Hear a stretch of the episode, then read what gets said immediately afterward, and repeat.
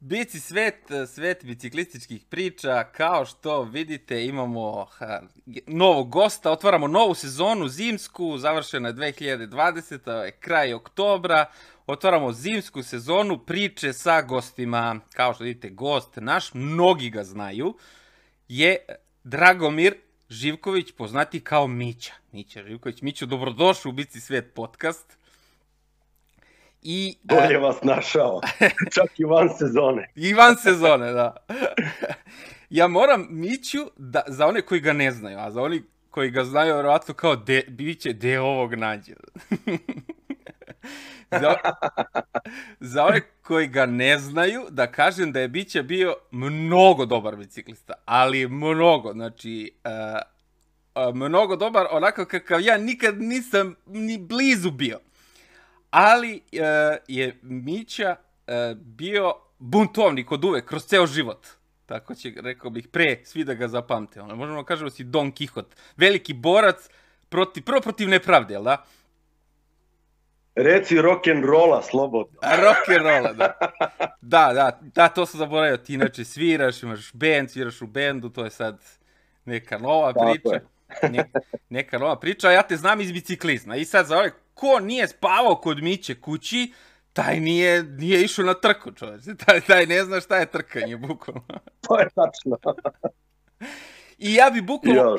Ja, šo. Ja bi odatle da krenemo. Da, da krenemo od tvoje, od tvoje kuće, od naravno mame, tate, od, od Nikole, od Nade, koji su takođe legende biciklizma, znači tvoj tate takođe bio biciklista, ti si najstariji sin, u, u, imaš još dvojice braća, Milan je mlađi, pa i Stevan, svi ste bili biciklisti. I mama Nada, čujena mama Nada, mama trojice biciklista i sa, sa pet muškaraca u kući, ono, žena, žena legenda. Ja posjeću da ispričam jednu priču koju se sjećam ne, uh, reči Nadini kako mi je ona otvorila žena oči, to ćemo uh, dalje da krenemo, ali ajde počni ti, od Nikola i biciklizma se sad, ja ne znam, je li deda kod vas vozio bajs? Hvala Bogu nije. Slušaj, ovaj, pa sve stoji što si rekao, znači za nas je biciklizam bio jedan prozor u svet i ozbiljan kontakt sa drugim ljudima, znači nije to bilo samo takmičenje, sport, mi smo imali, ja bar lično, ja lično sam, znači nisu to zvali moji burazeri sada da ne ispadne, mislim ti znaš i Stevana i Milana, ali ja sam baš voleo i to druženje kroz sport. To je sve jako bilo lepo i naivno i neukaljano bilo kakvim glupostima jedno, jedno duže vreme i mi smo to stvarno volili. Imali smo podršku od naših roditelja, hvala Bogu, znači meni je Čalo biciklizmu dugo bio i dan danas je neki funkcioner i tad je bio funkcioner i dosta ljudi ga je cenilo i poštovalo od Slovenaca i Hrvata na ovamo u onoj staroj SFRJ. Znači on je bio neko, neki uh, čovek koji je tamo mogao da se pojavi, da kaže par stvari i uvijek je bio onako fin odmeren, nije volio da se meša ni, ni u šta. To će se kasnije ispostaviti da nije baš najbolje ovaj, imati takav stav u onim previranjima kasnije da budeš bez ikakvog stava, ali prosto on je bio harizmatičan lik koji su mnogi ljudi volili. Ja sam imao prilike preko njega i da vidim određene ovaj, trke i da upoznam određene ljude, pogotovo u to vreme bio je aktuelan Franz Hvasti, čuveni slove, slovenački selektori Cvitko Bilić koji su tada vodili onu staru SFRJ reprezentaciju 80. godina što je bila velika stvar. Imao sam prilike te ljude da upoznam kod nas u kući i imao sam prilike da vidim kako ti ljudi rade. Što će se posle ispostaviti jer ja za sebe volim da kažem sve jedan svedok vremena. Ja znam šta se dešavalo 80-ih, 90-ih, 2000, pa od 2000-te na ovamo. Znači imao sam prilike da vidim kako rade neki ozbiljni selektori, neki ozbiljni treneri, imao sam prilike da ih upoznam, da pričam s njima, da budem gost kod njih, oni da budu gosti kod nas, sve naravno preko ćaleta. Ja sam voleo taj deo priče kada dođe puno ljudi na trku gde se svi druže, lepo je i za vreme trke dok se trkamo, tu naravno svako je davao neki svoj maksimum, ali nije bilo neke zle krvi i ovaj, upravo zato e, bilo je, da kažem, čist biciklizam u svakom pogledu tada, kad smo mi bili klinci, govorim za to. I meni je to puno značilo. Meni je to bilo, na primjer, neka moja odrednica da stvarno sam se radao da odem na trku Kraljevo, Čačak, Kragujevac, Suboticu, pa i po Sloveniji, Kranj, Ljubljana, ovama nama Zagreb, vozili smo veliku nagradu Metalija Comets, velika nagrada Kanja, to je bila najveća jednodnevna trka u staroj jugi, ovaj, imali smo prilike da vidimo sve to, imali smo prilike da upoznamo te ljude, čak i posle svih ovih sranja koje su se desile, ovaj, neka poznanstva i prijateljstva su ostala posle toga. Ja smatram da je to bilo ovaj, najlepše i najbolje nešto što smo dobili iz sporta. Jer danas trka prođe, danas se ti prvi, sutra sam ja prvi, preko sutra neko drugi prvi, ali ako ostane taj neki zdrav rivalitet i ovaj, nije bilo puno tu nekih špekulacija, tad slobodno mogu to da kažem, oko bilo čega i mi smo se, slatko smo se vozili, kako bi ti rekao. Sva ta muka je imala neki smisao i nije nam teško padalo uopšte. Eto, ukratko. I naravno, ja sam zato, moja vrata su uvek bila otvorena. Svako ko je prošao kroz Beograd, znalo se da može da se javi i da svrati. Ovaj, šta ti kaže, moja keva skuva 12 litara pasulja ili kupusa, razumeš, i kaže, pa ja sam planirala za tri dana, mi dođemo, pojedemo sve za dan jer je uvek bio neko u kući, razumeš, uvek je neko došao tu i ono kao na kraju kao šta pa sutra ponovo žena je kuvala po 4-5 sati dnevno, to je stvarno bilo nestosno, znači to je s jedne strane možda zamisliš te kamare veša i tu količinu hrane koju smo, koju smo mi pojeli i popili, znači to je stvarno jezivo. Međutim, to, to su neka lepa vremena, ja to volim da, da pamtim onako sa zadovoljstvom, jer stvarno nema ko nije prošao kroz našu kuću i to je ovaj, sve imalo nekog, kažem ti, smisla. Da, da ne vidim nešto tu gostoljubivost danas. Pričaš, Kako bi ti rekao? Ček samo to da kažem... bila dobra stara vremena. Da, a, ti si 76. Znaš. godište, znači pričaš o onim 90-im, onim ludim 90-im kad je... 74. 74. A, ja, da. Milan je onda, da. Milan je mlađi, on je 77. 76. Šest, Tako eto, vidiš pomeš. I Stevan je najmlađi. Stevan je 77. 76, da. E, dobro, dobro. Znači, ti si bio junior kad? Da je 80-90 godina, kad kreće tvoja karijera? Tako je.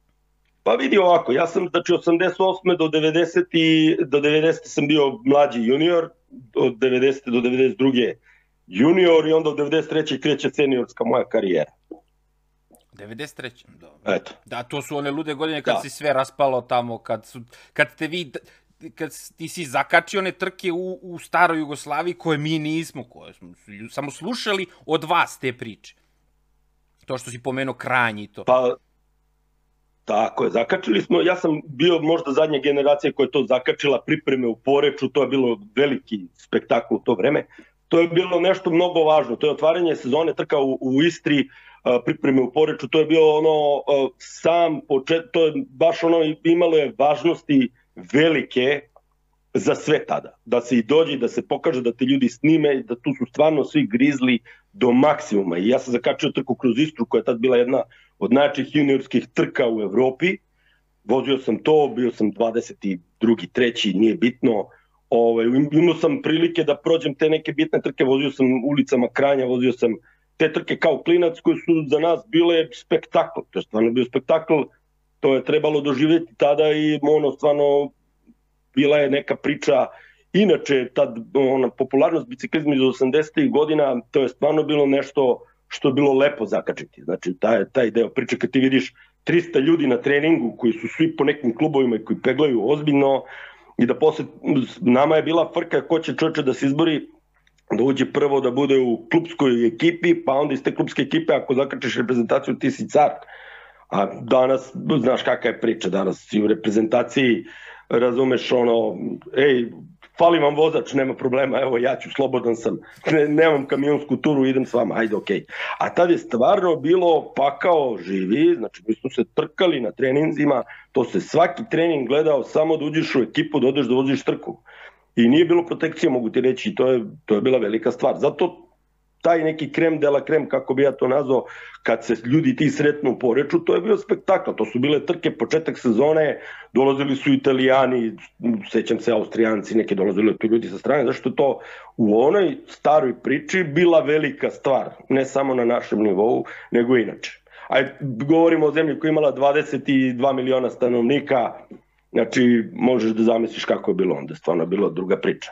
I još da kažem, ja se sećam tada, e, Franz Hvasti je tada osnovao U-Ciklo Pool. Je bio pool sponzora koji su pokušali od reprezentacije naprave jednu profesionalno udruženje. I to je, ja mislim, da je bila, bila osnova za sve ono što će se desiti sa slovenačkim biciklizmom kasnije. Ja se toga sećam vrlo I tad ko je upao u reprezentaciju, taj je stvarno, to je bilo, znači, prvo velika čast, nije bila mala stvar uopšte, druga stvar, taj koji upao u reprezentaciju, taj posle dominirao na svim trkama, bio dobar, to je bilo stvarno strašno. I to, to su, na primer, ta stara garda tih, kao što je bio Bilić i Hvasti, oni su uspeli da naprave taj ucikl pul i da ovaj, uh, izgureju biciklizam na jedan strašan nivo. Naprimer, bili su tada, sećam se, uh, u Filahu sedmi na svetskom prvenstvu, na primjer. Što nije mala stvar. Sedmi ekipno na svetskom prvenstvu, to je bilo ekipna disciplina na 100 km, Znači imali smo mi, pa onda ne znam koji, koji smo bili u Stuttgartu, 10. 11. 12. može da se proveri. Ne, nije bitno, naša reprezentacija mogla da bude u 10 ekipno u svetu, što nije bila mala stvar. Tako da, eto, ja sam zakačio to vreme kad su oni to počeli tek da prave i kako su oni razmišljali unapred, to mi se jako svidelo tada, znaš. Pričamo sad o, o, Eto. pomenuo si te trke kod njih tamo koje su i dan danas e, najpoznatije na svetu što se tiče otvaranja sezone. Znači, ta trka u Istri, Da. Dođe svi Norvežani, svi sa severa, ja znam, gledam sad, svi Nemci odavde idu voze to, znači to i dan danas krem de la krem, ali sad za ove, do 23 godine, znači to se sad malo tu uh, da. promenilo. I sad pričamo tamo o, o tom vremenu, da kažemo koji je klub, ti si vozio za OBK Beograd kod Tom Milenkovića, tako, ti sa Šukijem, sa njegovim sinom, uh, ta praktično generacija Šukije, stariji od tebe, da, i Da. Kako si ti krenuo? Ko, ko su bili ti ljudi koji su vozili u OBK tada i, i ljudi koji su posle došli da, da dođemo do Stevića, jer praktično Stević je ono što se kaže tvoje dete, biciklističko dete on je. Pa da, pa vidi, da ti kažem nešto, kažem ti, to su bila neka mnogo srećnija vremena. Nažalost, ja nisam, uh, ne, um, to je priča koja se jako ružno završila. Ja nemam dobro mišljenje otvoreno ću reći ni o Šukiju ni o Tomi Milenkoviću. To su bili ljudi koji su, ajde da kažem za početak sada, bili isključivo okrenuti samo sebi i nisu to bili ljudi koji su bili odgovorni za to što sam ja bio. Bio odgovoran prvo moj otac. Naravno, znači, nije Tome Milenković bio veći stručnjak nego što... Tako je. Znači, od mog oca si ti mogao da upoznaš mnoge druge bicikliste, matore tipa od Gaše Vukovića, matorog profe i kažem ti do Hvastija i, i Cvitka, a preko ove dvojice nisi mogao da upoznaš nikoga, niti si mogao da ukradeš neko, neko da kažem, znanje. Oni su bili sposobni da urade neke stvari, ali ne i sve. Znači, treba pošteno reći to šta je to bilo. Generalno, posle se ispostavilo da su za mene Tomo Milenković šarlatan kad moram tako da kažem, ali tako jeste. Znači, mi smo doživjeli s njim i neke dosta ružne stvari. Ljudi se sećaju nekih tu gluposti koje su se izdešavale i tako dalje. Možemo da pričamo o tome posle ako hoćeš, ako nećeš, nije ni bitno, ali to su to, na primjer, dok je bio taj jak biciklizam, nisu oni imali previše značaja i udela u tome tada. Tek posle, kad je ceo, na primjer, klub bio oslonjen na njih, onda je to bilo početkom 90-ih tako, ali tada nismo mi bili zavisni od njih, niti su oni nešto odlučivali, oni meni nikad nije napisao ni jedan trening, na primjer, ili tako nešto. Dakle, ne bi, ne bi se ja vezivo za njih. Znači, imali smo mi od koga šta da naučimo. Moji prvi početi su bili, kažem ti, tad sam vozio još kao mlađi junior, znači od 88. godine pa nadalje i dosta toga smo, ako smo mogli da pokupimo od starijih, pokupili, ako smo mogli da pokupimo od nekih posta koji su došli, pokupili smo od njih. Ali ja sam, na primjer, na primjer meni je mountain bike otkrio Pera Sarma, Pera Stojanović čuveni, ne, ne znam da ga se sećaš. Da, On je, na primjer, za mene bio Da, ja, ja sam volao, na primjer, s njim da se družim. I dan danas smo u kontaktu nekom, ovaj, on je za mene bio ovako čovjek koji je imao mnogo širu sliku od svega. Inače, kuriozitet jedan za njega, on mi je otkrio mountain bike, a inače bio, pored toga što je bio strašan biciklista i reprezentativac u ono vreme, iako on nije vozio samo u OBK Beogradu, on je vozio i u Čačku i u Čukaričkom i tako dalje, uh, on je lik koji je bio i prvi prvak Jugoslavije u triatlonu, zanično. Znači čovjek koji je bio mnogo, mnogo širok, širi spektar interesovanja imao nego što je to bio samo biciklizam. I ja sam volao na primjer takve likove ono, oni su bili baš ono on je bio, ja sam ga zvao mašina za mlevenje mesa stvarno je to bio. I ovaj, vrlo fair tip. I imao sam, imao sam prilike da vozim s takim nekim likovima koji su eto na mene ostavili utisak, ono sad ja govorim kao svedok jednog vremena, 30 godina kasnije, šta je bilo, to su likovi koje sam ja volao, ne, baš bio onako veseljak, s njim si mogao i da treniraš i da se družiš i svašta nešto, znaš.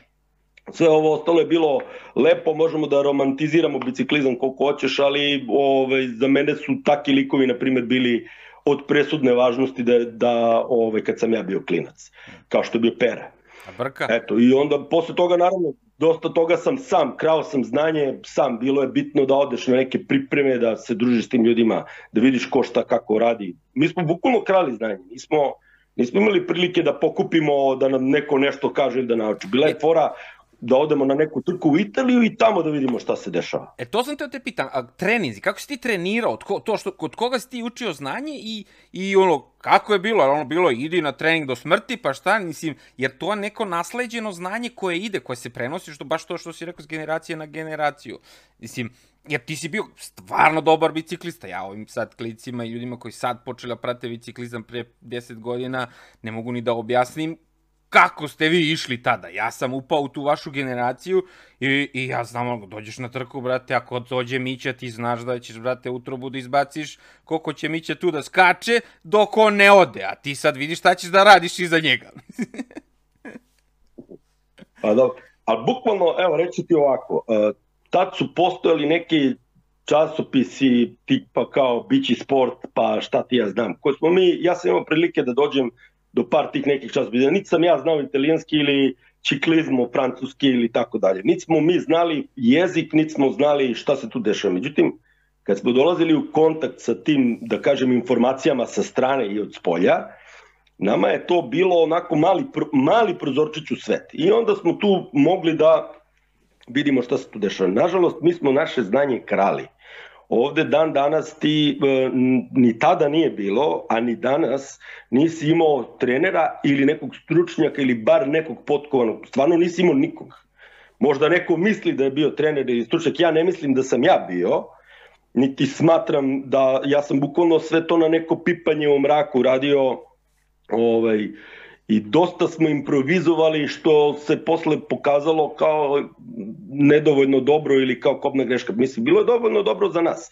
Ti znaš ako napraviš 20 ili 25 hiljada km godišnje, koliko sam ja pravio, da ne možeš da budeš loš. Bićeš dobar sigurno. Znači, ali te neke finese i pogotovo te atomske 90. koje su se desile gde eksplodirala cela priča o, o, o dopingu i o tim glupostima, mi do, to, to do nas nije došlo, tako da smo mi bukvalno ono na suvo vozili jedno određeno vreme i odjednom se napravio tu neki jaz, mi to nismo mogli da znamo, ali smo bukvalno na svojoj koži sve eksperimentisali. Sve. Znači, bukvalno ono šta treba da se jede, mi smo znali treba da se špagete, pričam, ko jede ugljene hidrate pretrku, nema slučajno šnicnu ili burek, ne ide ali smo to sve morali da saznamo na neki teži način. Znači, nije bio ko da nam kaže. Iskreno nije. Krali smo, dok sam bio klinac, ja ti kažem, sreća što smo zakačili tu staru priču, stare SFRJ, i to je meni značilo za kasnije da mogu da formiram i neko svoje mišljenje i da imam koga da pitam, znaš. Ali bukvalno smo sve to sami radili. Posle kad se malo iskristalisala priča, posle smo dolazili do određenih saznanja, do nekih sistema za trening, i tako dalje. Bio je neki Goran, doktor koji je radio u Čukaričkom, pa smo i njega smarali da nam objasni šta je to Pulse Master, Pulse Meta, tad su oni prvi polari pojavili, uh, treniraš to na otkuce srca. Ništa to mi nismo znali do tamo negde sredine 90-ih. E, tad kad smo to provalili, onda je to bila mala revolucija za nas, kako u stvari da se ne preforsiraš, kako da radiš pravilno, ali opet sve sami, razumeš, znači bukvalno smo krali znanje. To je epilog priče. Nema stručnjaka, nema trenera, sve sami i na svoj koži. Pa od koga zakači šta? Aj, aj kad si sad pomenuo to da, da, da vas je zakačila ta boom revolucija Apple-a, da, da ispričaš kako je to bilo na, na tvojoj koži. Ono, rekao si mi da je to bilo kad 90 svetsko prvenstvo ono, u, u Luganu. Pa evo, daću ti, daću ti samo jedan primer o ovaj, svetsko prvenstvo u Luganu, Najteže. 96. godina, da, da, jako teška staza, brdo, ne veruješ kako brdo. Ja odlazim na tu trku najspremniji možda ikad. Znači, bio sam brdski prvak Jugoslavije, znači baš sam bio ono top forma i bio sam treći na trci kroz Vojvodinu, gde, gde je Rus koji je pobedio tada na 650 km tukom je samo 40 sekundi. Ja sam bio treći u generalnom. taj Rus je završio sedmi hronometar na tom svetskom oruganu. Što je meni govorilo, reko čoveče, možda ja imam prvi put šansu da se pojavim sad na svetskom prvenstvu i da, da se odvozam kako treba. Međutim, ovaj, e, to, je ta, to je bukvalno trajalo jedan ceo krug. Prvi krug i to je bio patos. Znači, to je bio takav nokaut i tako stravično saznanje da je to bilo strašno. Znači, bukvalno u prvom krugu smo potpadali svi, niko nije mogo to da drži, to je bilo strašno. Prva četvorica su bili italijani i Komeso debeli koji je tada napadao celu trku, svašta radio ljudima ono, po grupi, to je bilo strašno, on je završio deseti. Znači, u reprezentaciji od pet italijana, prva četvorica italijana, tad je Figueras pobedio i onaj Baja koji je celu trku vuku napadu završio deseti. To je bilo nenormalno. Mi nismo znali šta se desilo. Da sam ja otišao u jednom lepom knockdownu sa trke i rekao, da li je ovo moguće, čekaj, pa ja sam sad u najboljoj formi ikad, da li je moguće da ja ne mogu jedan krug da odvezem sa njima? Da li je moguće to? Inače, to je, to je to svetsko prvenstvo kad su oni objavili da sam ja prvi put čuo za Armstronga da je dobio rak. I Armstrong se nije pojavio na tom svetskom prvenstvu, to su baš čuli iz njihovog boksa. Šta se tu desilo, da je dobio rak, da je u jako teškom tanju. Pitanje je da li će da ostane živ. Niko nije znao tad šta je, kako je, to je 96. godina. Nema interneta, nema ničega. I mi smo bili u šoku, kako rak, tako mlad čovjek, bio svetski šampion ovamo namo. Posle će istorija da pokaže neke druge stvari. Tada su te godine ograni, ograničili EPO da bude na 50% hematokrit u krvi. Nisu mogli da dokažu šta je, ta, tako išla priča. Mi nismo, i mi smo čuli kakav sad hematokrit, kakav EPO, čemu se ovde radi. Oni bukvalno nisu mogli da izađu na kraj sa njima.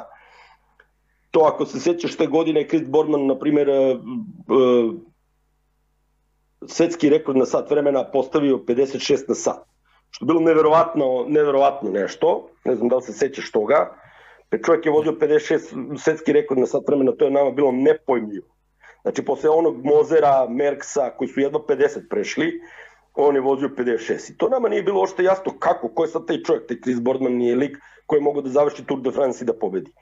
I onda kad ovi nisu mogli da izađu na kraj sa tim, oni su to navodno ograničili, Već sledeće godine kad smo otišli na svetsko prvenstvo, ja sam tad već vozio za elitu, isto sam bio u super formi, te godine sam bio prvak Jugoslavije i ovaj, otišao sam u super formi na to svetsko prvenstvo, ali ovog puta bez ikakvih nada i iluzija da ću u San Sebastianu 97. nešto da uradim, znao sam da nema šanse, ali rekao, ajde bar nešto da naučim, da nas to, kažem, bio prozor u sve, to je doba ono, sankcija bilo kada ti ništa tu nisi imao, nikakav prozor u svet, sem satelitske televizije nisi imao da gledaš Eurosport, to je bilo to.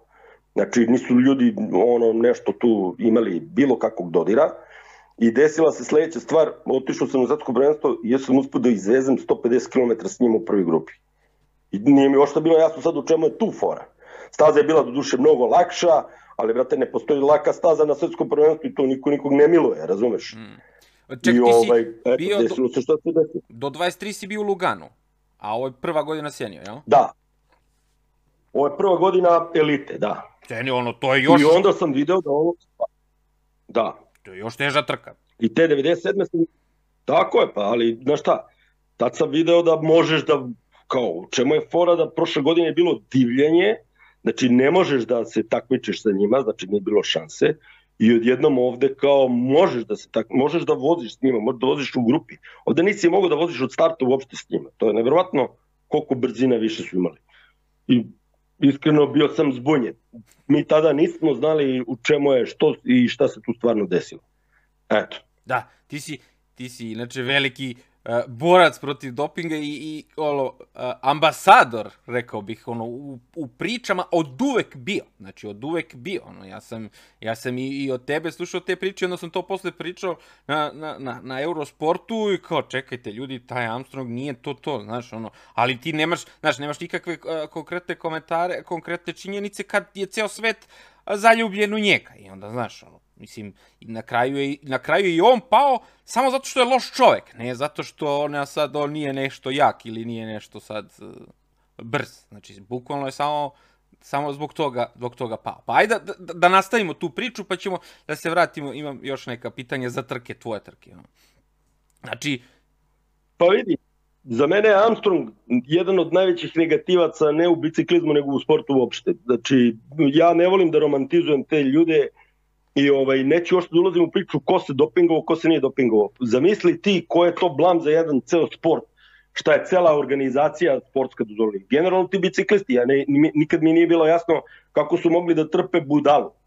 Ja bi ga bojkotovao. Znači prva, prva činjenica da ti imaš pravo da se dopinguješ u odnosu, znači što ti daje američka, da, da kažemo, ovaj, federacija koja stoji, svi stoje nešto iza tebe, čak i kad te uhvate da si dopingovan, ti gurneš 100.000 dolara, ne znam, uciju na trci oko Švajcarske i kao sve pokriveno, ti si cool. Znači, ja se sjećam Armstronga u momentu kad on nije mogao da završi Tour de France. Znači, on, on je mogao da pobedi etapu na Tour, on je bio strašan vozač, Znači, nemoj da sporimo to. On je najmlađi svetski šampion nikad u istoriji, znači kapa dole. Mislim u istoriji, posle ovaj Norvežanin bio nije bitno. Te 93. kada on bio svetski šampion, videlo se da je čovjek nenormalno jak. Ali on za Tour de France nije bio tačka. I to je presedan u istoriji sporta da odjednom on se vraća posle jedva živ i za 7 puta, za, ne jednom, nego 7 puta pobedi Tour. A reći ću ti ovo, znači ja se sećam priče iz Lugana 96. Posle toga kad smo otišli u Ameriku, e, ja i mali Laza smo bili gosti kod Hinkapija, na primjer on je živeo na nekoj planini Paris kod Greenvilla, nekog mesta u, u Južnoj Karolini i bili smo, imali smo prilike preko Čukije da budemo gosti kod njega dva dana. To je bila neka 2000. godina, znači kad je Armstrong već pobedio dva Tour de France ima u džepu. Gde je, je Hinkepi o njemu pričao kao da je on najveći biciklista ikad svih vremena da kad sam ja pitao, pa čekaj, ja sam bio 96. godine u Luganu, čovjek je jedva živ bio i nije mogo da završi Tour de France, šta se desilo, čovjek se smeje.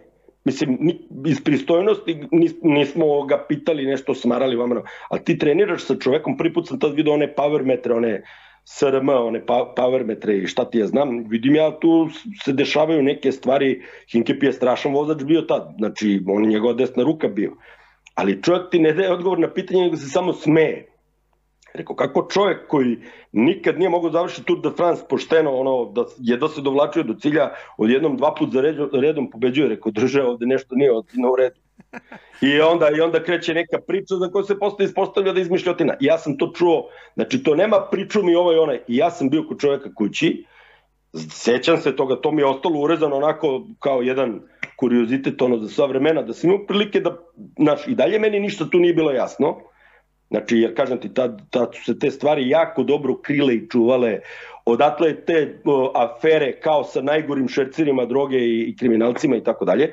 Međutim, ne samo što je on bio veliki prevarant Armstrong, znači, pošto je tu mnogo love bilo u igri i tako dalje, on sami u tom momentu vredao kao pet dobrih profesionalnih timova zajedno.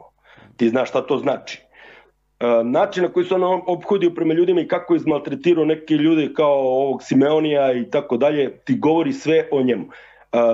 Nije problem u njemu, problem je u svima onima, evo ti Frenki Andreu, imaš čuvenu priču kako je čovjek, čovjek koji je bio strašan vozač koji je odjednom nestao, niko ne zna kako je taj čovjek prestao da vozi i šta se desilo. Uništio pa mu život. imao celu tu aferu. Da, da, da. Znači, ja ne shvatam likove koji su bili oko njega koji su pristali na to. Jer ja ti kažem, moja kuća je bila otvorena za sve, daj da se trkamo, da, da to, naš, ja ne želim da imam neprijatelje na drumu, želim da imam rivale. I ovaj, pričali smo o nekoj etici u sportu vama nama. Sve to otišlo dođavola velikom po, uh, količinom love koja je tu upumpana. Kod nas se to osetilo na maloj količini love, nažalost, ali tad su ugovori bili bedni. Nisi ti mogao tad da potpišeš neki ugovor pre 20-30 godina, ne znam kakav. Ti profesionalci su imali bedne ugovore. I ti ljudi su trpeli budalu za kikiriki umesto da svi sednu na drum da ga bojkotuju i kažemo da, daj bre čoče, svi znamo šta radiš. Znači nema tajne za nas u istom smo klubu, u istom kombiju, u istoj sobi, u istom svugde.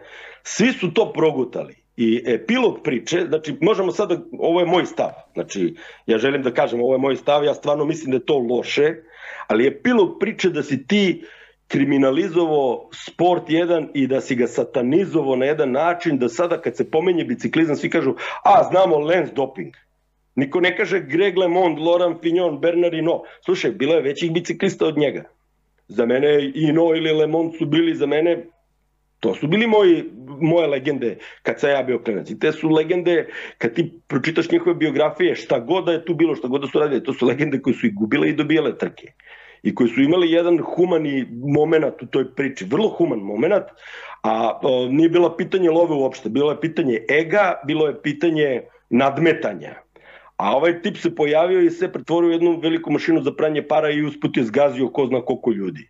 Pritom, to što je uradio nije šmekerski uopšte on zvanično nema ni jednu titulu. Iako mu danas svi, svi ga kite kao da ima titulu ili ne znam nije šta, za mene je to jako bedan završetak priče, nedostojan jednog šampiona. A, Čovjek okay. uspod uđe u legendu i izađe što je jako teško. da, o tome se i radi, što sad i dalje je on, on se ponovo sad vraća kroz podcaste, kroz istu ovu formu ko, koju mi sad radimo i dalje ljudi njega gledaju kao neko ozbiljno, mislim, neko, nekog velikana, a u, u, u stvari ne samo kod nas, nego u celom svetu. Sad, na stranu to što oni pričaju taktici i svemu tome, jesu oni to prošli i, i oni su to uh, radili, ali ovo što si ispričao sa te etničke strane, znači, nešto je dobro i uvek je dobro iako ga niko ne radi, a nešto što je loše je uvek loše iako ga svi rade. I na kraju tako se svelo i to što ti kažeš nisu ga biciklisti bojkotovali, tako je praktično i dan danas. Znači, ajde, nema sad više dopinga kao to što si ti ispričao, ali ima nekog drugog tog biznisa gde opet biciklistima mogu da rade šta god hoće. Da ih puste da voze ono, tri dana bez prestanka i oni bi opet celi i vozili. I evo sad kad je bilo na Džiru su se nešto isto opet džapali. Znači, to je to ono što ti kažeš, nekada su pre bili pravi heroji, ono, ti se sećaš, zato izvojim, znači ti se sećaš i tog Lemona i tog uh, Fignona i njihovih borbi i ti si gledao te Tour de France na televiziji kad je bila klasična muzika. Ono, ispričaj mi o, o tom vremenu pa ćemo opet... pa da, evo, evo sam, samo ću ti reći jednu stvar pre nego što krenem na to, ovaj, Epilog priče je, znaš zašto je to tako danas? Zato što to niko nije osudio javno i niko to, tog čoveka A, sve to što su oni njemu kao oduzeli titule, prvo pare mu nisu uzeli, moć mu nisu uzeli. A, zvanično ljudi ćute to i guraju po tepih, a to ne treba da se radi. A, pomenuo si da sam ja bio bunđija neki i tako dalje. Ja, sam, ja sam sa 25 godina počeo da se bunim. Kad sam malo sazreo, i kad sam video koje se nepravde tu radi, ja sam krenuo da se bunim. Vidi, skupo sam to platio, ali nije mi žao. I nema potrebe uopšte da gurem ništa po tepih, mogu da ti kažem za svako ime šta ja mislim. To je moje mišljenje, za mnoge stvari su, koje su se desile, reći ću ti šta se desilo. Poenta priče, kad smo mi gledali biciklizam Le Monde Fignon, taj čuveni Tour de France iz 89. godine koji je bio stvarno nešto fantastično. Ovaj, ja sam zakačio između ostalog prvo moje svetsko prvenstvo 87. u Filehu kad je Steven Rowe čuzo triplu krunu. Ta, uh, to si treba da vidiš ko je to, znači prvi put u istoriji Irac osvaja triplu krunu na Tour Giro i svetsko prvenstvo u jednoj godini da pobediš, znaš šta to znači. Tada kako je taj čovjek odvezao sve te trke, to je bilo fantastično. To je, to je bilo, to je na primjer nešto što će se pamtiti, ja verujem, za sva vremena. 89. znaš šta je čuveni Tour de France desilo? Tu su vozili ljudi jedan protiv drugog bez ekipe menjaju se majice, znači ne zna se ko će da pobedi do kraja. 8 sekundi, nikad manja razlika na Tour de France nije bila, znači koja je to borba bila svo vreme i šta se tu dešavalo i koja je to bila taktika i šta... To je stvarno nešto što ću ja pamtiti, razumeš? Znači to je nešto što smo mi gledali, ono, ni, ni prosto kao da gledaš film koji je Hitchcock režirao.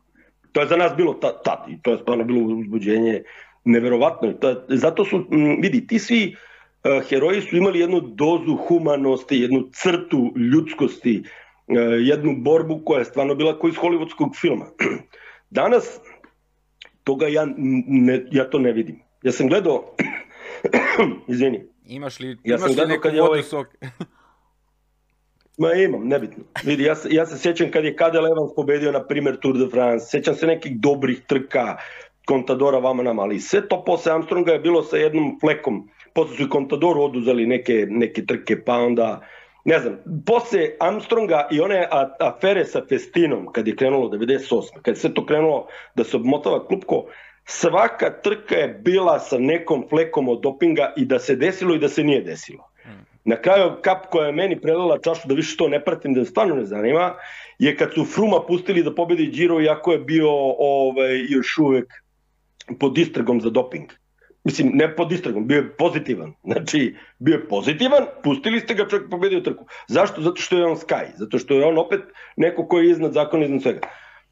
I ti svi ljudi koji su oseli s njim umesto da ga izbojkotuju, kažemo vidi, nećemo da vozimo s ovim slepcem, razumeš i tako dalje. Svo vreme, kažem ti, od, dve, od 2000-ih pa na ovamo, ta fleka dopinga 20 godina već negde nekome na čelu stoji i ispliva malo malo. I mene to jako smara, jer naš sport generalno ne može da se svede na doping i ja to baš ne, ne volim i izbegao. Prvo pričali smo, ne špica se raga nego rasan konj, ok, ali daj ljudi, postoji tu neki trening, postoji tu neka etika, postoji tu gomila nekih stvari. Biciklizam, kad izuzmeš takmičenje, je jedan od najlepših sportova koje možeš da doživiš inače. Znači, ljudi prelaze ceo svet na dva točka, svašta rade, ima tu heroja koji su, koji su vezani za neke stvari. Mi smo vodili da idemo na more biciklima, kupovnik biciklu, da, to bila avantura, to je sve imalo nekog smisla. Danas se sve gleda kroz doping ili kroz lovu. Znači, ja taj sport nikad tako nisam doživljavao i zato sam izuzetno protiv toga jer uh, nikad ne bi volao da me neko stavi u isti, u isti kalup ovaj, kao ti likovi koji su bili tada, koji su generalno svima nama napravili štetu.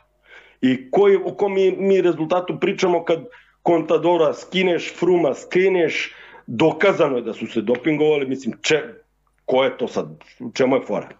Znači, gledao sam Tour de France, uh, mesec dana kasnije ne znam ko je pobedio. I od tad sam prestao i da pratim iskreno, jer to je postalo besmisleno. Za mene je to besmisleno, eto. Eto, ako neko nije u ovom dosadašnjem razgovoru shvatio koliko ti voliš biciklizam, da, da to uopšte nije sporno, da im ispričam onda sama, sad, da nam ispričaš koju trku sad ti ne, ne, ne sad neki najveći uspeh, nego koja ti je najdraža trka, možda ti, ti tu pobedio, nisi pobedio, šta se desilo, šta onako pamtiš kao neki najlepšu uspomenu, to neko svetsko prvenstvo, neka trka kroz Jugoslaviju, Srbiju, nešto, šta bi izdvojio?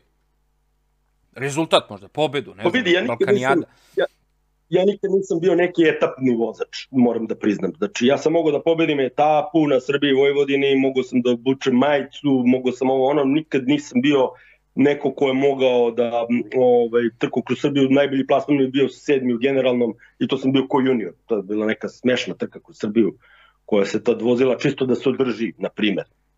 Pa sam bio onda, ne znam, imao sam nekih dobrih rezultata što se tiče Vojvodine, na primer. Tu sam mogao da budem prvi, drugi, treći, tako sam i završavao generalno. E sad, od nekih trka, svakako ta uh, pobeda na Balkanijadi je meni bila kao, ima, ima dve vrste ovaj, o, o čemu ću da govorim. Reci samo Prva, koja godina, koja godina? To je 99. godina, ja sam bio prvi prvog Balkana tada u tom momentu. Ovaj, posle, ja ne znam da li neko pre mene bio, možda i jeste bio, nije ni bitno. U svakom slučaju to je bila baš Balkanijada, Balkanijada, gde su svi sa Balkana, od Albanaca, Grka, Turaka, svi živi su se pojavili tu, razumeš, ne znam ko je sve još bio tu, nije ni bitno. Ta Balkanijada je bila u Braili u Rumuniji i ovaj, imala je ta trka, na primer, veliku važnost za mene. Zašto, ne samo zašto sam pobedio tu trku i način na koji sam je pobedio solo, nego to je moment kad smo mi imali taj klub Farman, kad smo mi otišli iz OBK Beograda posle velike svađe i neslaganja dugogodišnjeg sa tom celom ekipom koja je tamo ostala tih matoraca. I meni je to jako značilo da se dokažem i pokažem i kroz klub i kroz reprezentaciju. Mi smo tada kao klub pobedili etapu na Srbiji, etapu na Vojvodini. Nema trpi u kojoj nismo bili u tri kao Farman. I ono što mora da se zna, taj klub je trajao samo godinu dana, izgubili smo sponzora već bili na pola sezone, odmah posle bombardovanja.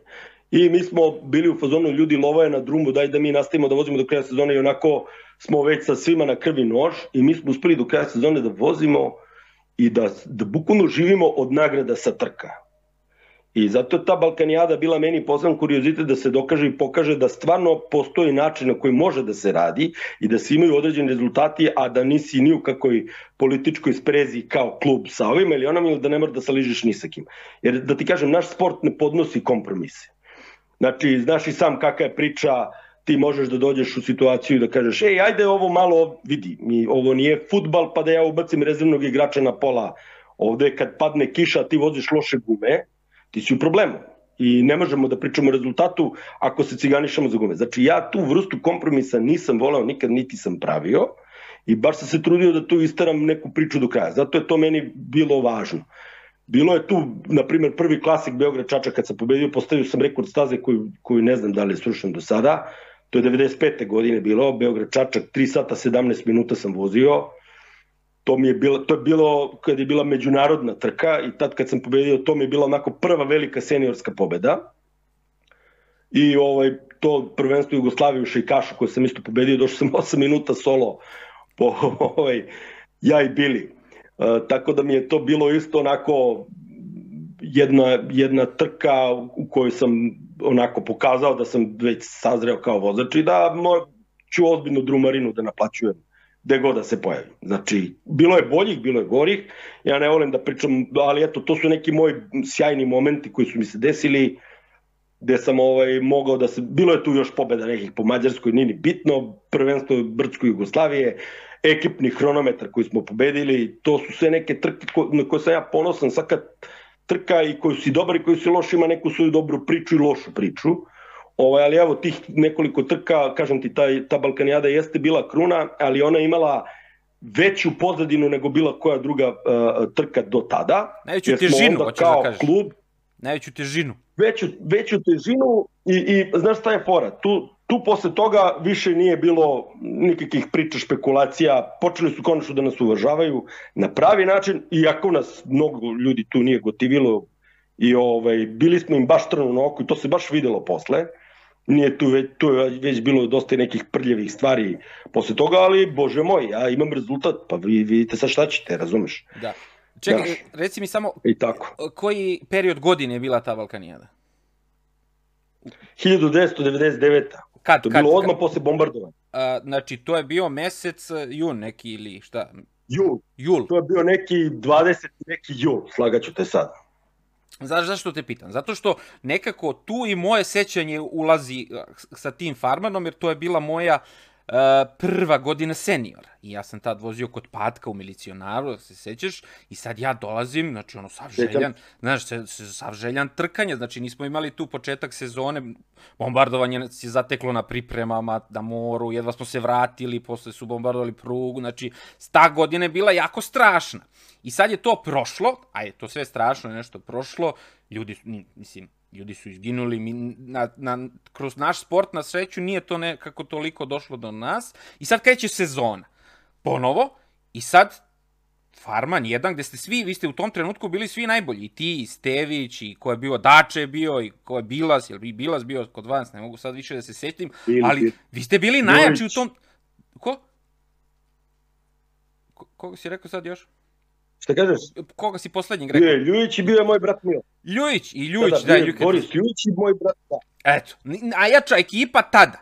I sad treba da se voze trke i dolaze trke koje su se tada nizale jedna za drugom. Meni je to bila najlepša sezona jer su se trke nizale jedna za drugom i tu je, ja sam tad tu prvi put sreo ovog Falaha, Jan Valah, on je sad prvi čovek e, Saganov, znači on sedi u kolima pored njega, daj mu, ne znam da se sećaš ti tog čoveka, Uh, on je... Kako ne? Kako ne, da. Znači, ja sam tu sad video celu tu prvu ekipu, upoznaješ pravi biciklizam, jer su se nizale trke, bila je Srbija, Jugoslavija, pa valjda Kralja Nikole, sve to zajedno bilo jedno drugo. I sad se pojavljuje neki farman, koji se protiv tog farmana su svi, A ti znaš, ti znaš, ti si ti ljudi vodio, ti znaš da su ti ljudi najbolji. Ono kao, I sad meni nije bilo jasno čemu se tu radi, šta se tu dešava. Čekaj, vi niste ni vozili tato, niste ni bili reprezentacija, vi ste, ne znam, šta se tu sad desilo. I sad, meni ništa nije jasno, čoveče. I ovaj podcast koji te sad ja zovem su neki...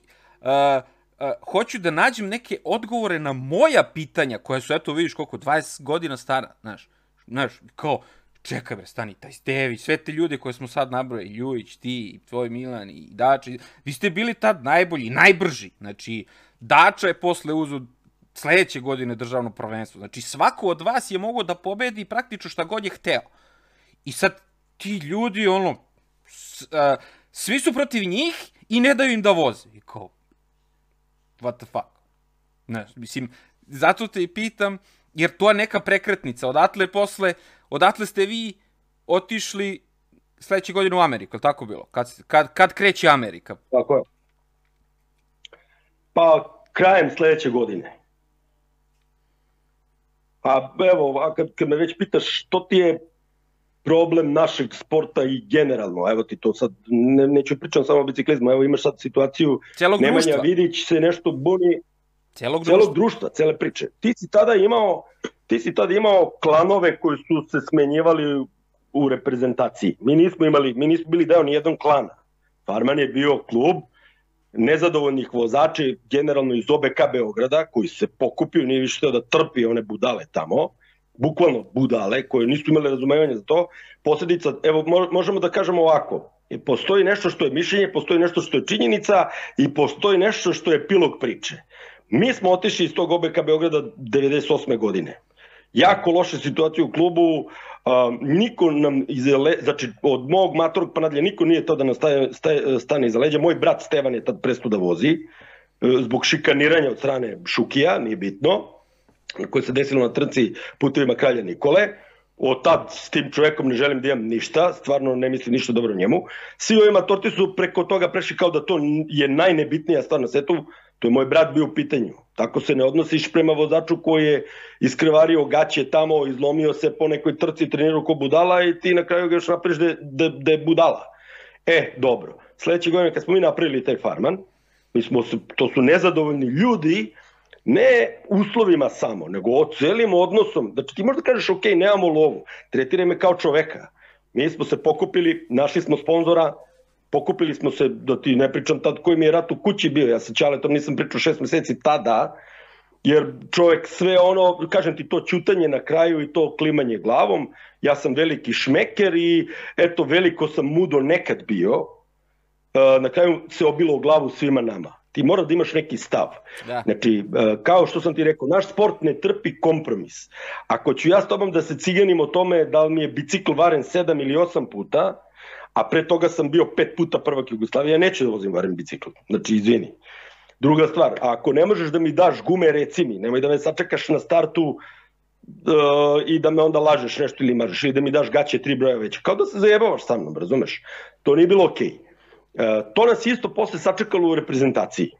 Tada je reprezentacija, sećaš se, dobili su one Colnago bicikle, Santini opremu, br, vidi, mi ništa od toga nismo dobili. U tom momentu ja saznajem da je naše ministarstvo za sport duplo veću lovu dalo biciklizmu ovaj, nego košarci, na primjer, u tom momentu. To koga zanima može i da istraži. Ovaj, I u tom momentu ja skapiram da je sad ta lova otišla ovaj, negde u trku kroz Srbiju ili negde privatno, ko zna dokle je došlo to. Mi u svakom slučaju gume jedne nismo mogli da dobijemo. Pošto nismo bili č- e, članovi ni jednog klana, znači ni ovog beogradskog klana gde je bio, ne znam, Popov, Toma ili ne znam nijako, ili tamo s druge strane Bane, Dostaneć ili Peca ili tako neki šarlatani, mogu slobodno kažem za sve njih šarlatani, koji su tu nešto pilićarili oko tih stvari, ja sam u jednom momentu stvarno mi je pukao film i rekao sam, slušaj, ja ne mogu da dođem da vozim za reprezentaciju ili za bilo koga i da me vi zajebavate za gume, zato što su drugi dobili, mislim, mi vidimo šta se dešava tu. Razumeš, mi nismo bili debili. A zbog toga sam već napustio klub. Znači ja ne mogu sada da spustim loptu dole i da kažem vidi neću da vozim. I sad tu par lažova se našlo koji su nas, mi smo znali da će da nas preveslaju, ali nije bilo okej da, ni prema drugima neka stvar, i druga stvar, kažem ti, ovaj, znali smo da od tih obećanja nema ništa, nisu mogli ni, ničime ti to da potkrepe i mi smo onda jednu trku vozili, sla, slažu nas, drugu trku vozili, slažu nas. Vidi, ja imam klince, ne, sponsor nas je ostavio na pola sezone, mi, mi opreme nemamo, mi rezervnog materijala nemamo, mi nemamo ništa, kao S- palestinci. Samo da, da, samo da, da, da, da, da naglasim ovde, da, da, da naglasim jednu stvar. Nekad je oprema bila suvo zlato. I taj dres o kome mi pričamo, evo, ja sad eh, hteo sam da, bukvalno kažem, ono što sam i malo pre rekao, ti, i što si i ti rekao, sve to je tebe skupo koštalo. I sutra, i kasnije, i dan danas, i sve, ali ti nisi odustajao od svog stava. A ja, eh, ja sad, hteo sam tu sad neki video da snimam o opremi, o svemu tome, ja posle sada, evo, sad imam 40 godina i posle 25 godina u biciklizmu, znaš, se okreneš i kažeš, ja nemam srpski dres, jugoslovenski, koja smo sve države imali u fioci. Znači, ja nemam taj dres u fioci, baš zato što je taj dres nekada bio, ono što ti kažeš, nekada je bio velika stvar. Nije, imalo, nije moglo se kupi. Ne možeš da sad odeš kod mlađi pa da kupiš dres. Mislim, jer nekada je taj dres morao da se zasloži da bi ga nosio. I onda ti to kad zasložiš, da nosiš, ti si sav srećan, ti si pun sebe i ti to nosiš i moraš da vratiš tu opremu. I onda sutra ti na drumu vidiš da neki matorci nose tu opremu, a znaš da su oni to kupili. E sad, mislim, sad može svako da nosi srpski dres. Upravo. Znaš, o, o, mislim, kažem ti, ovaj podcast uh, su, uh, su neki, tražim i ja neke odgovore na svoja pitanja. Jer, znaš, ono, ta 99. je bila uh, i 2000. posle, znači, naš sport i nijedan drugi sport nije mogao nikako bez politike, ali politika se toliko mešala do te mere da, evo, sada, 20 godina kasnije, politika vodi taj sport i politika vodi trku kroz Srbiju. To je meni, s te, s te strane je meni tu. Evo ovako, ajde, ajde ovako. Ja ti kažem, ja pamtim ljude kad su osnovali U Ciklo Pool s namerom da od reprezentacije naprave profesionalno udruženje, tad si imao rog kao vrhunac u staroj jugi, kako treba da izgleda jedan ozbiljan klub. To je posle bila ekipa Adrija. Ta ekipa, zna se ko je vozio tamo i Roglić. Uh, samo ću ti reći ovako, epilog 29 godina kasnije, to mo možemo da pričamo, moj stav, tvoj stav, šta sam video, šta sam doživeo, moje mišljenje, subjektivno omano. Epilog, 29 to, da. godina da. kasnije. Sve to na stranu. Slovenci su prvi za Francu, to, to su ljudi koje ja znam, s kojima sam ja vozio, taj Hauptmann, to je on je moja generacija, a, taj Pink, on je malo stariji od mene. Ja se tih ljudi sećam. Ja znam ko su oni bili, znači vozio sam s njima. Oni su na kraju dogurali da vode take profesionalne klubove, da su ozbiljna uh, a, stavka u svetskom biciklizmu. 29 godina kasnije, znači oni imaju prvog, drugog u, na svetu, na Tour de France, na svetskoj rang listi. Neću da pričam o šta su pobedili, pogotovo Roglić je sad stvarno zvezda broj 1. Inače, Srbin ga je otkrio, to, to ćemo posle o tome. A, a mi 29 godina kasnije nemamo jednog startera na Tour de France. Nikad Srbin startovao Tour de France nije, kogod šta mislio. A zašto? To više nema veze s politikom. To je to sitno pilićarenje o kome, u kome ću ti ja reći jednu stvar. Vidi, meni su tražili da vratim, dobili smo tada u, od reprezentacije neke papuče bili, kao japanke. Ja sam i papuče vratio. Znaš kako mi je ostao dres? Pa tako što sam pao i u bolnici su me skinuli u nesvesnom stanju i strpali mi to u moje stvari. Tako mi je ostao dres. I svi su mislili da je dres zaboravljen negde u Rumuniji, gde sam ja to provalio tek kad sam došao kući a pobegao sam iz bolnice bez otpustne liste, jer vrlo dobro znaš, mene posle te Balkanijade udario auto, slomio sam peti uh, L5 pršljen, napuko i dan danas imam posledice zbog toga. Misliš da je neko iz reprezentacije trepno? Ne, samo su mi izvukli, znači, lezeć, da ležiš u rumunskoj bolnici u kojoj nema kreveta, da se radi deratizacija s nekim nepoznatim rumunom u krevetu na 40 stepeni posle Balkanijade, 7 dana, to je ravno paklo čučavci i to neću ni da ti pričam, nije ni bitno. Uh, I izvuku te posle 7 dana bez otpustne liste, sve na foru se radilo, razumeš? A pre toga mi pričamo o nekim gumama, o nekom bojkotu. Vidi, znači moj metar kože je nešto najskuplje na svetu i to ne košta jednu gumu. Znači taj litar krvi koji, ja sam imao tad unutrašnje neko krvarenje i kažem ti, jedva živ, jedva sam pretekao. Da, da. Dan danas imam posledica bolove u leđima zbog toga. To nikog ne zanima. Odmah da ti kažem, te sve glodare, e, to je to dehumanizovanje sporta. E, I to nisam samo ja slučaj. Svi ti klinci koji su nekad vozili u Čačku, koji su bili moji gosti s kojima smo se družili, to su sve likovi koji su svi ti šarlatani treneri razbucali po celom svetu. Nema ih nigde danas. I bave se nekim stvarima koje nisu baš za ni ovaj podcast. E, niko se tu iz te priče nije proslavio. Niko čak nije ni ostao u biciklizmu. Redko ko da je ostao ili da će ti sutra kaže dobar dan. To je posledica te politike i tih šarlatana koji su to vodili. Oni su bukvalno to što jesu. A, 30 godina kasnije isti ljudi se tu vrte, nemaš nikog novog i nisu sposobni da naprave jednog vozača. Ja ti kažem, ja mogu da odam na Adu i da sretnem neke naperlitane klince koji mirišu posle treninga. Jebeš tu priču razumeš, koji misle da se biciklizam meri od njih i tako dalje.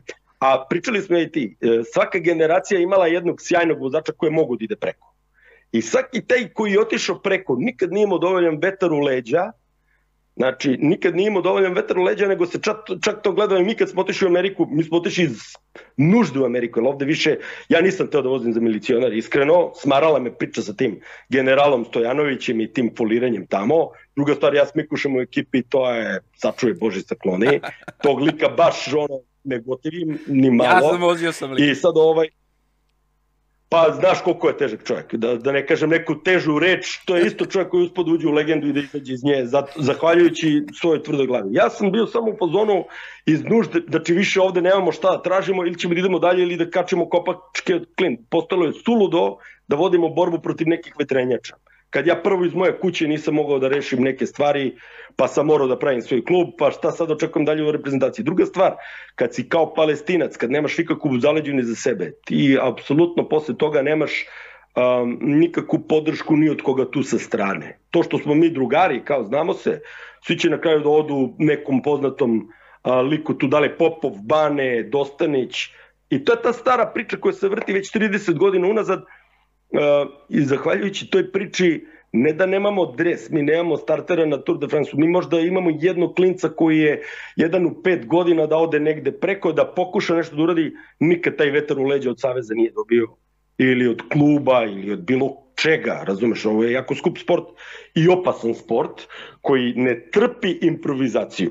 Moram da naglasim to, Znači, nema zamene za trening, nema zamene za dobru opremu, nema zamene za ovo, za ono. Znači, ti moraš neki taj svetski standard da ispuštuješ. Neću da pričamo o nekim drugim stvarima i niko od nas, svi smo mi otišli tamo silom prilika, iz nužde. Ali ovaj, nije tako samo i kod nas u sportu, tako i u svim sportovima. Zahvaljujući tom politikanstvu, gde tako neki klošari, banderaši, ši, ši, šibicari između sebe, ja ću ti reći samo jednu stvar – Evo ti ga moj primer. Ja kad sam bio, zadnji moj dodir sa Savezom je bio 2006. kad sam bio šef stručnog saveta. Ovo, evo sad ću da ti kažem par stvari vezano za to. Tad je Toma Jovanović, on je bivši Julovac, bio predsednik Saveza. To je lik koji, njega, on ne zna koliko bicikla ima točkova. Njega to ne zanima ništa. I on se tamo pojavljuje da bi nam bukvalno držao neke lekcije. Tu od biciklizma B nije bilo ništa. A mi smo bili savetodavno telo koje je trebalo da aminuje svaku glupost koju ovi napišu gde se falsifikovali su se potpisi, sva, to je bilo kriminalnih radnji, realno. Ja nisam deo da budem deo te priče, vrlo prosto. I nisam teo da aminujem nikakvo potpisivanje ničega za što sam ja smatrao, a imao sam pravo to da smatram, da je ovaj, m, u najmanju ruku sumnjivo zašta sredstva odlaze. Naravno, trajao sam tri meseca kao šef stručnog savjeta i skinuli su me odmah. Ali jedna od stvari koju sam uradio, na primjer, je bila ta da sam izjednačio mountain bike sa drumskim biciklizmom, što bilo tad svugde u svetu tako. U tom momentu mountain bikeri kod nas su bukvalno imali status građana drugog reda. I oni do, mountain bikeri dobiju ne samo pravo na licencu, dobiju pravo na međunarodni, na savezni razred.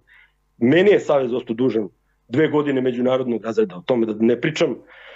I ovaj, dobiju klinci neku crkavicu. I sećam se Popović iz Novog Sada, Boris Popović, Evo kaže, e, slušaj, završili smo priču da dobiješ lepo sada savezni razred preko kluba tvog, tad je vozio za Capriolo.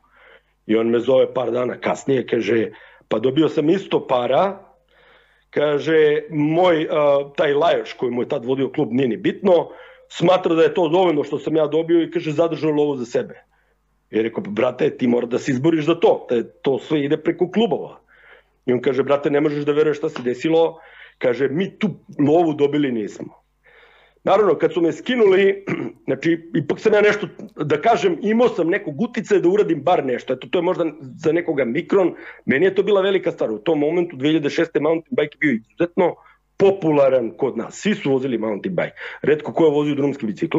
A bio je stav, Kad je bilo ponovo glasanje, Izvini, a bio je stav, ja se toga sećam, bio je stav, a šta, o, bukvalnim ovakvim rečima, a šta ovi se voze po planini mirišu cveće? Znači, od ljudi koji se bave drumskim biciklizmom. Tako je. Zato, zato ističem, samo da naglasim, ovo je tvoj, da kažeš, eto, nazovi uspeh. Ali da ti kažem nešto. Vrlo dva srodna sporta, sam znaš da je Kade Levans pobedio i svetsko prvenstvo i tur. Znači, ta dva sporta stvarno idu ruku pod ruku i treba da budu u istom savezu. Druga stvar, to je mnogo popularnije tada u tom momentu bilo nego drumski biciklizam. Znači, mi možemo samo da imamo benefit od toga što smo priznali te ljude tada I priča se završava tako što ja posle tri meseca sam smenjen sa pozicije šefa stručnog savjeta, ali veruj mi, ni jedan od mountain bikera me nije okrenuo telefonom, niko me pitao, nije, niko nije glasao prosto za mene. I bez obzira šta sve je uradio za njih. E ja sam tad rekao, vidi, idite svi dođe vola, tako vam je, kako vam je za bolji i niste jer ja nisam više želeo posle toga, posle 2006. čekaj, ja tamo idem, gubim vreme sa budalama, tad više nisam bio u biciklizmu, imao sam svoj posao, ženio se, dobio dete, razumeš, život ide dalje, to je surovo, ali je tako. Ja dolazim tamo, ispeglam nešto posle godinu dana, da vama bude bolje, razumeš, znači nema ništa od toga. Znači, kažem ti, smo bili savjetodavno telo i to je neko morao na kraju da prihvati Ja budem smenjen, vidi, niko krenuo jedan telefon nije, niko pito, ništa nije. Priča se jako ružno završi. To je meni onako jedan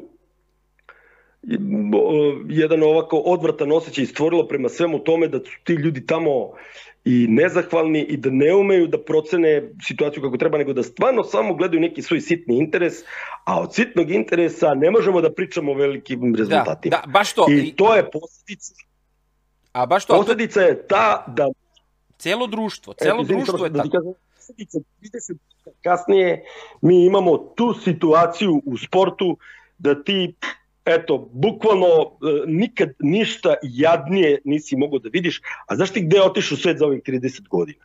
Znači, gde je otišao biciklizam, svet, sport, Zato svet. Zove. A mi smo bili neka pre 30 godina. Zato Nešto smo značili u, Zato te i zovem da, da, jer si ti ta veza vremeplov, bukvalno vremeplov između onog nekad kad smo mi bili barabar sa tim svetom i ovog sada kada mi bauljamo bukvalno za tim svetom. Ne pričamo samo o biciklizmu, znači, nego bukvalno o celom društvu, jer u, u celom društvu je taj stav da niko ne vidi širu sliku, da niko nema tu ljubav prema tom sportu, pričamo sad o našem sportu ili o nekom drugom sportu, nebitno, evo sad se, ono, raspada se futbalski savez, mislim, raspada se kao bajagi, ali ništa se mi, i mi znamo da se tu ništa promeniti neće, da je ovo samo naša priča, da ljudi znaju kako je bilo i da, da, da ima druga strana medalje. Mislim da ću tako da i nazovem moj podcast Mića Živković, druga strana medalje. Ali ajde sad da se vratimo na Roglića. Na Roglića i na onog našeg čovjeka što si pomenuo, uh, imaš ti i onaj članak. Sam čuo sa njim, sad ću ti reći, a, svi znaju da je Primož Roglić jako kasno ušao u biciklizam, tako? Da. Znaš celu priču o njemu. Pre toga je bio skakač, vozio motor i tako dalje. Ali niko ne zna šta se to desilo da njega da gurnu u sport. Da je, da je čovek u 20 Kako? Da njega gurnu u ovaj sport, u biciklizam. Tako je. A sad ću ti reći šta je. Mi, ja imam jako dobrog prijatelja koji se zove profesor doktor Radoje Raša Milić, koji inače isto čovjek voli da svira gitare kao ja, u, na mediteranskim igrama u Bariju 97. zajedno smo čak kupili pojačalo. Znači ja tog čovjeka znam više od 20 godina. I on je još pre rata 80. godina sa ženom, on je tamo si, ovaj, dobio i decu, ima dva sina, on je čovjek otišao tamo i rešio da postane sportski doktor. Zato što već tada ovde, osim da bude u nekoj ambulanti u Lazarevcu, da se bavi sportskom medicinom, od te priče nije bilo ništa. Znači u jednoj Srbiji, 80. godina, to će ti biti zanimljivo da ti on to ispriča, nije mogo to da uradi u Srbiji, otišao u Sloveniju i postoje jako cenjen sportski doktor. Čovjek radi e, ispitivanja, istraživanja, svugde i po svetu ima baš dosta sportista ima koji su mu došli i za koje je on, on je skrovan čovjek, ne voli puno da priča o tome, ali znaš, kad si stekim dobar 20 i kusur godina, na kraju procure neke stvari do tebe. On je bio taj lik koji je testirao Roglića i kad je vidio kakav čovjek ima rezultate, on je bio taj lik koji je iscimo Finka i Bogdan Fink koji je tad vodio tu Adria ekipu i rekao mu je čovječ imam takvog biciklistu ovde da je to fantastično Kaže, čovjek je takav potencijal da je to nešto neverovatno. Kaže, koliko ima godina? 20. Ove mu kaže, ma de si lud, kaže, kasno. Ko će njega da primi? Kaže, čovječe, ja garantujem za njega, ovo je takav dijamant, kaže, ne možeš da veruješ. Sad, kada to pričamo, poslao sam ti i onaj članak da. za Pogačara. Da, Vidio da. si članak, članak od pre četiri. Znači, Pogačar je tad bio klinac. Koji, koliko ima? 16-17 godina, nije ni bitno. Dobre. I ovaj, epilog priče je da se taj doca naš, znači tip je sa Dorčala ovde iz Beograda, kažu mu čoče ako treba ja ću mu kupim bicikl u, ovog moraš da primiš u klub. I bio je uslov da on mora sam su svoju opremu da, da ima i ovaj je rekao na kraju javio se posle tri meseca, otišao da radi u Mercator, zaradio za svoj prvi bajs, posle tri meseca. Roglić. I prime ga u uh, Roglić, da. I ovaj, to je zanimljiva priča sad. Ja, eto, sticam okolnosti, iz prve ruke sam je čuo. Iz prve ruke od čoveka koji ga istestirao koji je rekao, čoveče, ovo je fantastičan potencijal. Čovjek je kupio svoj bajs i naravno prvu sezonu kad je vozio nije znao jednu krivinu da ispravi kako treba. Ono, više padova ima nego išta, ali kad je ušao u štos, posle sve toga ostalo je legenda. Ko je Roglić sada, neću ni da komentarišem. Ali naš lik Naš lik ga je preporučio Finku, znači doktor, profesor Raša Milić ga je preporučio. Znači, ja znam, znači pazi, ja znam sticam okolnosti, kažem ti, i te neke likove. Ono što je bitno, znači svako od nas je mogao da dođe do Raše Milića. A, ono što je dobro pitanje, zašto niko odavde svojih prostora ne radi sa njim? A ja znam i da su mnogi odavde svojih prostora ostali dužni lovu. Kapiraš? Imamo jako loš i nezahvalan stav prema svemu. Prema svemu. Ko, ko nešto, nešto može da ti uradi, pomogne i tako dalje i tako dalje. I ovaj, sticam okolnosti, znam za te neke stvari i meni je to, na primjer, bilo jako zanimljivo da čujem od, od njega. I on mi je posle toga rekao, zapamti, dolazi jedan klinac, zove se Pogačar, zapamti šta sam ti rekao, znaš kakve rezultate ima na testu, kaže, fantastične, samo što je on baš bio klinac, klinac, kaže, taj će mali da drma i tako dalje. I ovaj članak koji sam ti ja poslao, to je članak koji je njegov sin okačio, ovaj neće se smara o tome, on voli da priča sa mnom o muzici, o gitarama, o rock and rollu, razumeš, ono, imam neki drugi dodirnih tačaka jer znaš šta, ovaj, nije sve samo biciklizam, ima i neki drugi život, tu se dešava. Ja ti kažem, prvo moje pojačalo sam ja kupio sa njim na mediteranskim igrama 97. godine. Možeš da, misliti. Da. Eto. Da, ajde. Tako da, dugo znam čoveka i znam ga po nekoj drugoj priči, ono, strašan je dasa, onako, i ne, nešto dobar doktor i što je stvarno, ono, dosta ljudi uh, izveo, da kažem, ima stra, da čuješ koje rezultate ima i s kim je sve radio, pa me da ti stane, ali čovjek je vrlo skroman i ovako u tom je fazonu da ne voli da se eksponira, ne voli da ga dotiču, na primjer, ove priče koje su doticale meni i tebe, ali ne, zbog toga još 80-ih zapalio iz Srbije. Na vreme što bi se tome, znači, generalno ovo, je, ovo čemu mi pričamo, to je bolest celog društva, ja ti kažem, znači, meni uh, uh, da imam uh, da vidim profil nekoga na fejsu koji se predstavlja kao steroidi biciklista. Uh, na primer. Ja to sam video svojim očima. Nemoj, molim. I da ljudi misle dan... A? Nemoj, molim. steroidi biciklista, bio profil na Facebooku, ja se sjećam toga, ja sam se valjao od smeha, naravno no name profil i tako dalje i ljudi su se ložili, na primer, na take stvari. Nekad za mene je to bilo degradiranje jednog sporta.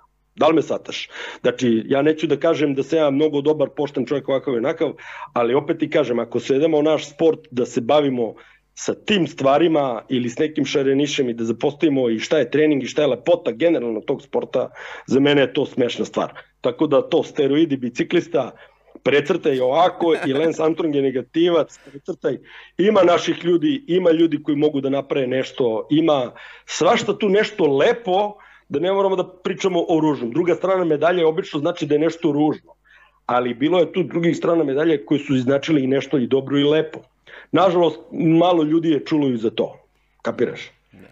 Pa ne, generalno, Eto. Uh, evo, kažem ti, ovaj podcast traženje odgovora na moja pitanja, a ti imaš dosta, dosta tih odgovora, smo samo zagrebali, zagrebali priču, ali suština je to ono što ti kažeš, da 30 godina posle uh, ja nemam obraza, šta da kažem, kad me neko pita, e, čekaj, kako ovi Slovenci, sad prvi, drugi, a gde su naši? Pa jesu, tu su Dule, ali su i dalje druga liga. Ono što ti kažeš, nema, nikad nismo imali vetar u leđa da budemo sa tim Slovencima zbog celokupnog tog stava u, u, u društvu, generalno u društvu, zato nam je tako i kako je sada u celoj zemlji i mislim, ne, mislim, E, sve dolazi na naplatu, što kažeš ti, ono, sve, sav taj tvoj, uh, sav taj tvoj stav i borba protiv vetrenjača te skupo koštala, znaš, i sam, znaš. Pa vidi, moram da ti kažem nešto, uh, vredelo je. Znači, nije, nije bitno da li sam ja bio u pravu, um, moram da ti kažem nešto. Ja sam jako lako sišao od bicikla i jako lako izašao iz saveza. Nemam grižu savesti i ne mislim da je trebalo da bude drugčije zbog bilo čega. Moram da ti kažem ovo gomila ljudi žali i pati za nekim prošlim starim vremenima, ali niko ne shvata da prvo nije se potrudio, ja sam se, vidi, možda na, i na pogrešan način, možda i ovako onako, ja sam se ipak potrudio da nešto promenim.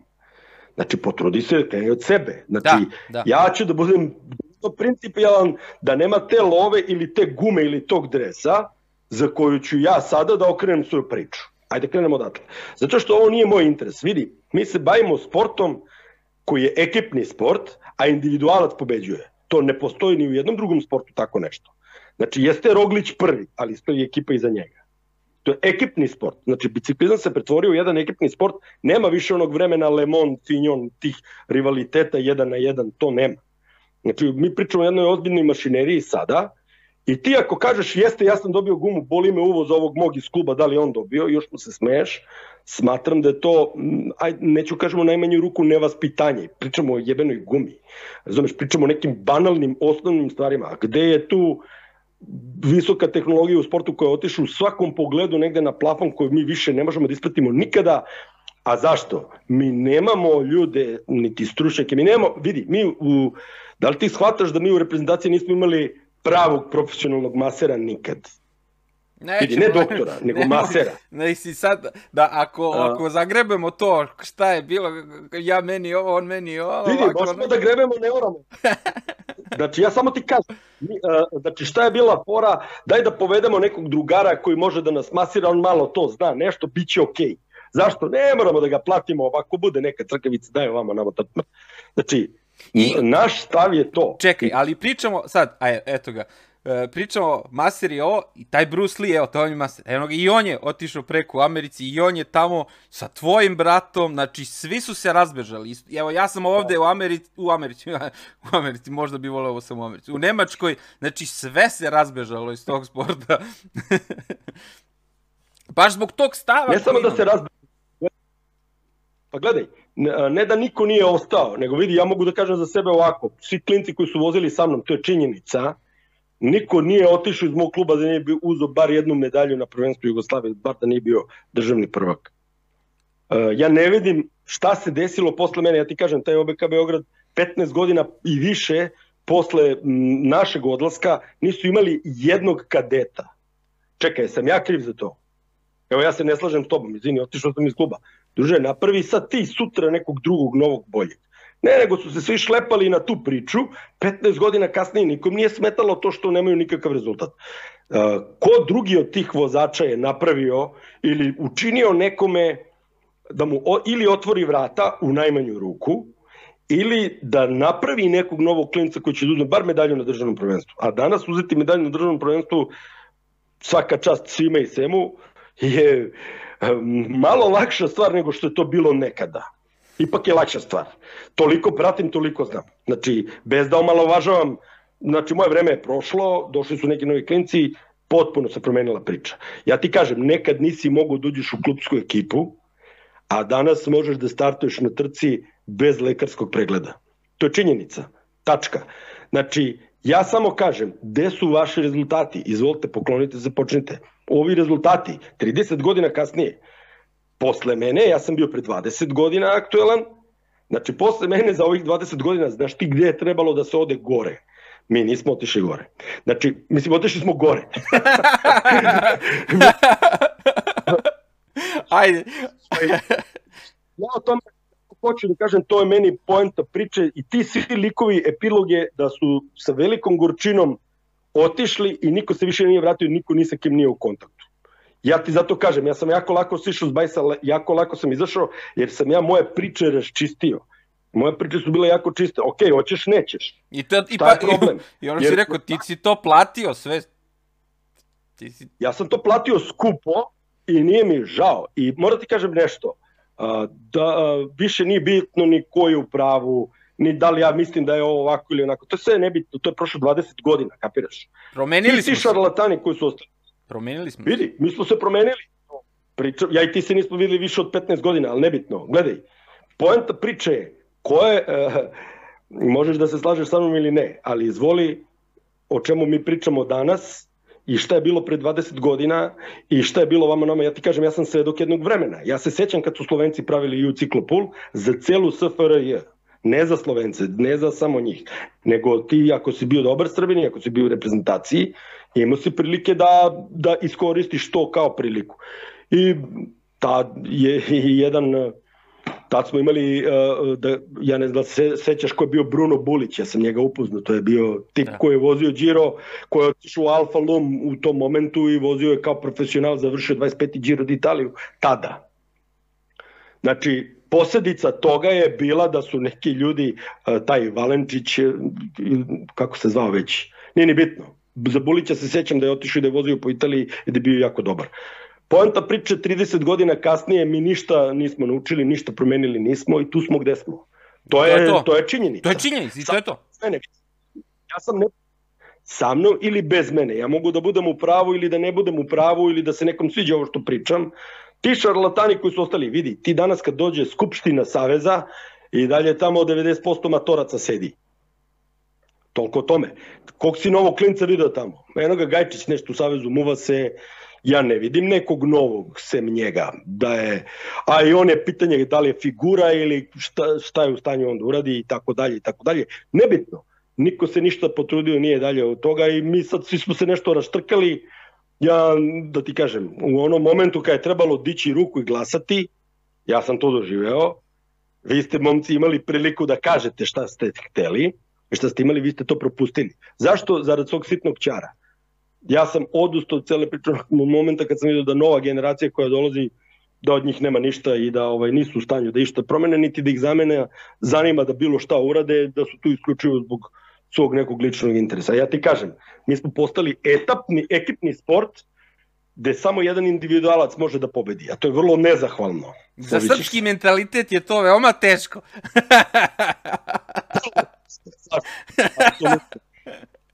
to je, mislim, generalno to je zaključak, ono, znaš, jer, što kažeš ti, nema izmene, čoveče, nema, ti moraš da budeš dobar isto toliko koliko i taj koji pobeđuje, da bi mogao s njim da se družiš i da bi bio tu, mislim, to je to. Uh, Bićo, hvala ti, ja bi ovde da završimo koliko imamo, možda sad tipa, ne znam, da, da ne otvaramo dalje o, Pandorinu kutiju, da, da završimo sa nečim lepim. Slušaj, da ti kažem jednu stvar. Ovaj, ja se trudim da pamtim stvari po nekim lepim stvarima. Meni je to, uh, ne, samo ću ti ovo reći stvar za kraj, ovaj, ono najgore vreme, sankcije, bombardovanje, tih 10 najgorih godina od početka do kraja 90-ih i sve ovo što je bilo do tada, meni je ipak obeležio sport. Znači, meni isto. I ovaj, ja, ja volim da pamtim stvari po lepom i ovaj, mogu slobodno da kažem da bez obzira na sve gluposti koje su se desile i sve te mm, uh, sve te stvari, uh, zato ti kažem, ne treba, treba da pričamo o našem sportu, um, sad smo otvorili tu drugu stranu medalje, ali ima ta, ipak je ona prva strana medalje nešto što je bitno i zbog čega se i mi znamo i zato što možemo da pričamo danas o tome, ipak je nešto lepo što se tu desilo.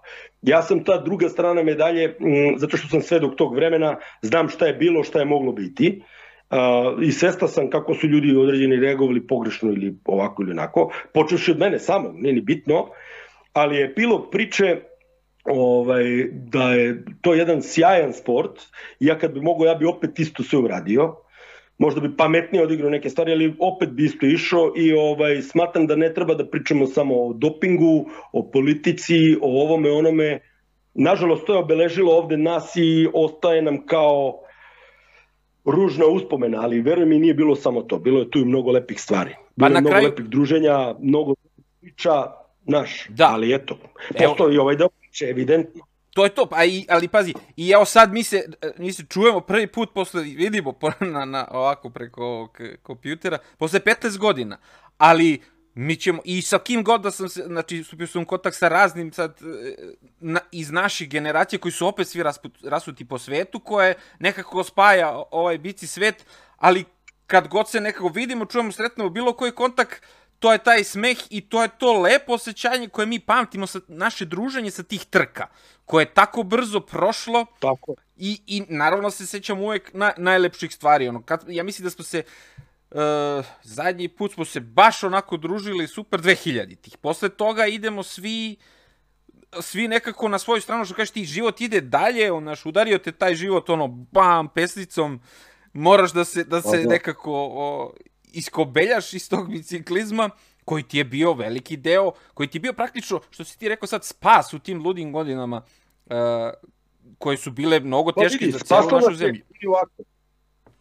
Evo ovako, spaslo nas je ulice, spaslo nas je kriminala, spaslo nas je nekih stvari, a, dalo nam je neke radne navike, znači e, gomila tih likova nažalost je završila ko zna gde i kako meni je žao što se to pogubilo sve, ali vi- vidi, za ljubav je potrebno dvoje, treba uvek da imaš i, kon, i neki mm, feedback sa neke druge strane. Nažalost, to se nije desilo. Druga stvar, nema potrebe cimati više nikoga. Ako neko smatra da je to dobro ili kažem ti tu ima puno i sujete i ovog i onoga, neka bude tako. Ne želim uopšte bilo ko drugi da misli ili zaključi nešto da, da i ne treba nikome ništa nametati. Ja sam svoj put izabro i zadovoljan sam i ako me pamte po tome, neka me pamte. To nije nikakav problem. Ovaj, rezultati ostaju, bila je tu još gomila nekih drugih gluposti, nije ni bitno. Rezultati ipak na kraju negde ostaju. Ja neću te rezultate da umanjim ili unizim ni zbog koga, ni zbog čega. Nema razloga. Uopšte nema razloga, a ovaj volim da se sećam i nekih dobrih priča. Kažem ti, ja sam tu zakačio ni neke dobre stvari. Poslaću ti baš i slike da vidiš. Tako da, bit će ti sve jasno. Može. E, Eto. hvala ti puno. Ja sad hoću, e, hvala ti puno na izbornom vremenu. I ja hoću sad sa ovaj podcast da, da završim jednom, uh, jednim, uh, jednom rečenicom, u stvari malo više rečenica ima.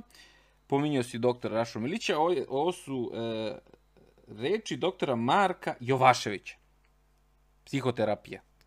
Kaže, svaka rečenica ili misao koja počinje sa ne želim da oni pomisle ili a šta ako pomisle se završava sa vašom sprečenošću da izradite, da izrazite sebe u svakom potpunom obliku kakvim zaista jeste.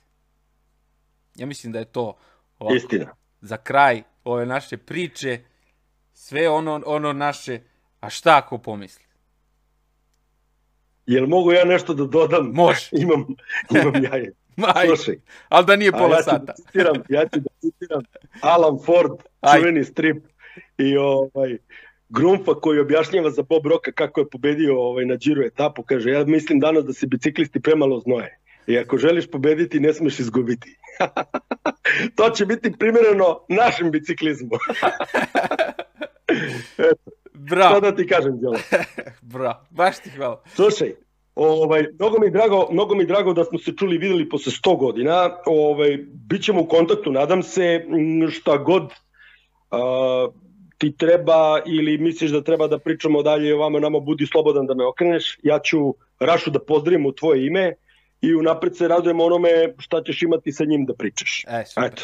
A, pazi, ideja je bila, cela ideja, evo kupio sam ovdje mikrofon, tu je i GoPro kamerice, da mi sednemo lepo u nek, kod tebe ili u kafanu nekoj da se ovako je, ispričamo, ali zbog sve ove celokupne situacije u svetu, to sad nije bilo moguće i ja nisam više imao strpljenja da da, o, da ovo odlažem. I onda ovo sa, sa tobom, ako je ovo će biti jubilarna 60 epizoda, sa kojom ti otvaraš ovu zimsku sezonu podcasta.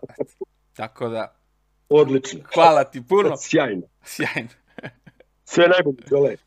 Želim ti sve najbolje, uživaj tamo i nemoj da mi se smrzavaš. Sad je malo sezona ovaj, da se nabaci neko kilo da bi imao šta na proleće da skidaš. To. Opušteno. Hvala. Hvala, sve najbolje, vidimo se. Ćao.